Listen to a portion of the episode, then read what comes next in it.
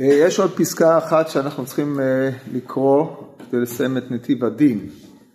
הפסקה שיש בה היבטים אה, אקטואליים, מה שהוא אומר המהר"ל בעמוד קצ"ד בטור שמאל, בפרק שני דייני גזירות אמר רבא אמר רב שילה היי דיינא דשאיל שאלתא פסול למידן דינא. זאת אומרת אדם ששואל, דיין ששואל מחברו חפץ או משהו מעין זה לשימושו, אסור לו לדון דין.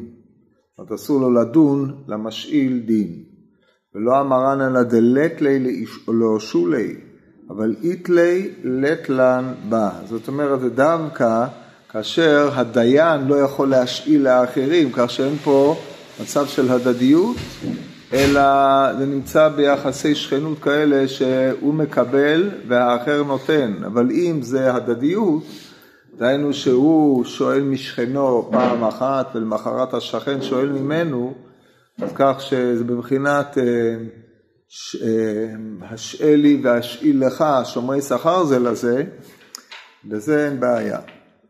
אומר המהר"ל והטעם, כי הדיין שנתלה בבריות וצריך להם, פסול הוא לדין. כי אין ראוי שיהיה צריך, אלא אשר הוא דן. כי אם אתה נסמך עליו וזקוק לו, איך תבוא לחייב אותו? וכביכול יש ציפייה שאחרי שהוא היטיב איתך ועשה לך טובה, שלא תחזיר לו רעה תחת טובה, ולכן אתה מצופה, לא רק הוא מצפה ממך, אלא אתה מעצמך, מחמת הטובה שעשו לך, אתה תחפש כל צד זכות לזכות את אותו בעל דין, ונמצא שאתה לא דן בצדק. אין ראוי שיהיה צריך אלא אשר הוא דן, ומעתה אוי לנו מיום הדין. כי הדיינים והם הרבנים שהם במדינות אלו, כולם תלויים בראשים וביחידי הקהל, דהיינו הפרנסים, שכל שנה או שלוש שנים הם חוזרים להעמיד אותו על הרבנות שלו, דהיינו החוזה מסתיים פעם בשלוש שנים, אז צריך להחליט אם לקבל אותו או לא. אז אם הוא נטע לטובת אה, אלה שאמורים לקבל את ההחלטה, והראה להם פנים מסבירות בדין, במקום שהיה להם דינים, דהיינו בקיצור בעלי הממון והפרנסים, אז ההחלטה תהיה חיובית, הרי משתלם להעמיד אדם כזה, אבל אם גילה להם פנים זועפות, או חייב אותם בדין, אז מה, למה כדאי לנו להעמיד אותך עוד פעם? אתה עוד פעם תחייב אותם.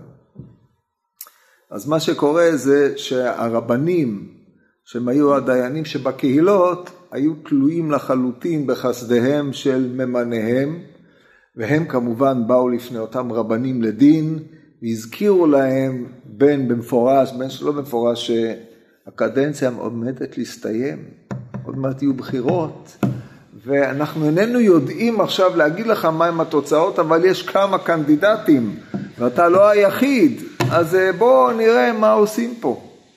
כן, אומר המהר"ל, אמ, ואיך לא יהיה ירא מפניהם אותם שהוא נמסר בידם, באולי לא יחזיר אותו לרבנותו. זאת אומרת, אם הרבנות הייתה מובטחת, נתקבלת, זהו, אתה מובטחת לך הרבנות, מה אכפת לך לחייב אותו? כבר לא יכול לסלק אותך, יש קביעות.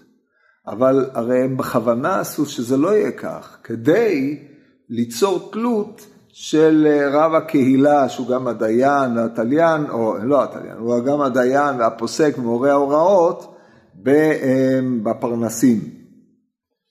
אה, ואיך לא יהיה ירא מפניהם אותם שהוא נמסר בידם באולי לא יחזיר אותו לרבנותו, וראוי לומר כי דיין כמו זה פסול מדינא, דלא גרע מדיין דשאל שאלתא, זאת אומרת בעצם מה שרומז פה המהר"ל שדייני קהילה א' היו צריכים לדון את פרנסי קהילה ב', ודייני קהילה ב' את פרנסי קהילה א', באופן שהם יכולים לדון רק מי שהם אינם תלויים בו, כמו השאלת, אבל לדון את בני קהילתם, זה כבר לא.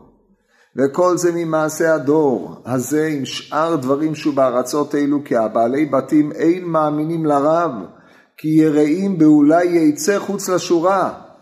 זאת אומרת, הדבר הזה עוד יותר גורם חוסר אמון, מפני שאם הם יאמינו, הם לא מאמינים לרב, מפני שיודעים שהרב תלוי באחרים, ואם הם היו עומדים במקומו, הם בוודאי היו נוטים לטובת אלו שהם תלויים בהם, אז למה להניח שהרב הוא אחרת?